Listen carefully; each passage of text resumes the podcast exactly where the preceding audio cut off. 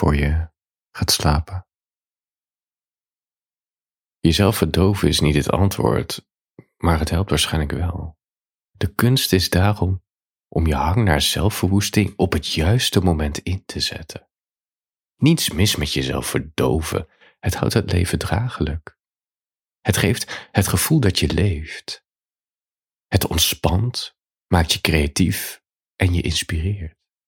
Maar als het je dagelijkse verplichtingen in de weg gaat staan, dan moet je echt gaan oppassen. Het maffe aan het leven is dat we altijd bezig zijn met een later. Dat is een deel van het leven. Een bedachte stip waar je naartoe wil reizen. Diploma, een baan, een promotie, relatiestatus, een vakantie.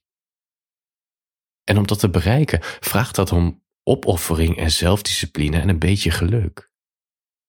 Verdoving is de vijand van je toekomstbeeld. Maar zonder verdoving en plezier kom je er ook niet echt. De kunst van het leven is daarom balans vinden. Tussen nu en later. Tussen in reinen komen met je verleden en verder gaan met vandaag. Tussen plezier en opoffering. Als je jezelf wil verdoven, doe het alleen wanneer dit kan. En dit vraagt om zelfkennis. Elke keer als je wil ontsnappen aan de realiteit, vraag je jezelf af: brengt dit mij in de problemen met mijn verplichtingen morgen?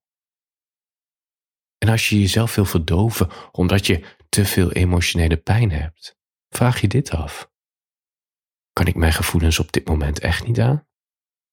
Zal het mij ongelukkiger maken de komende dagen?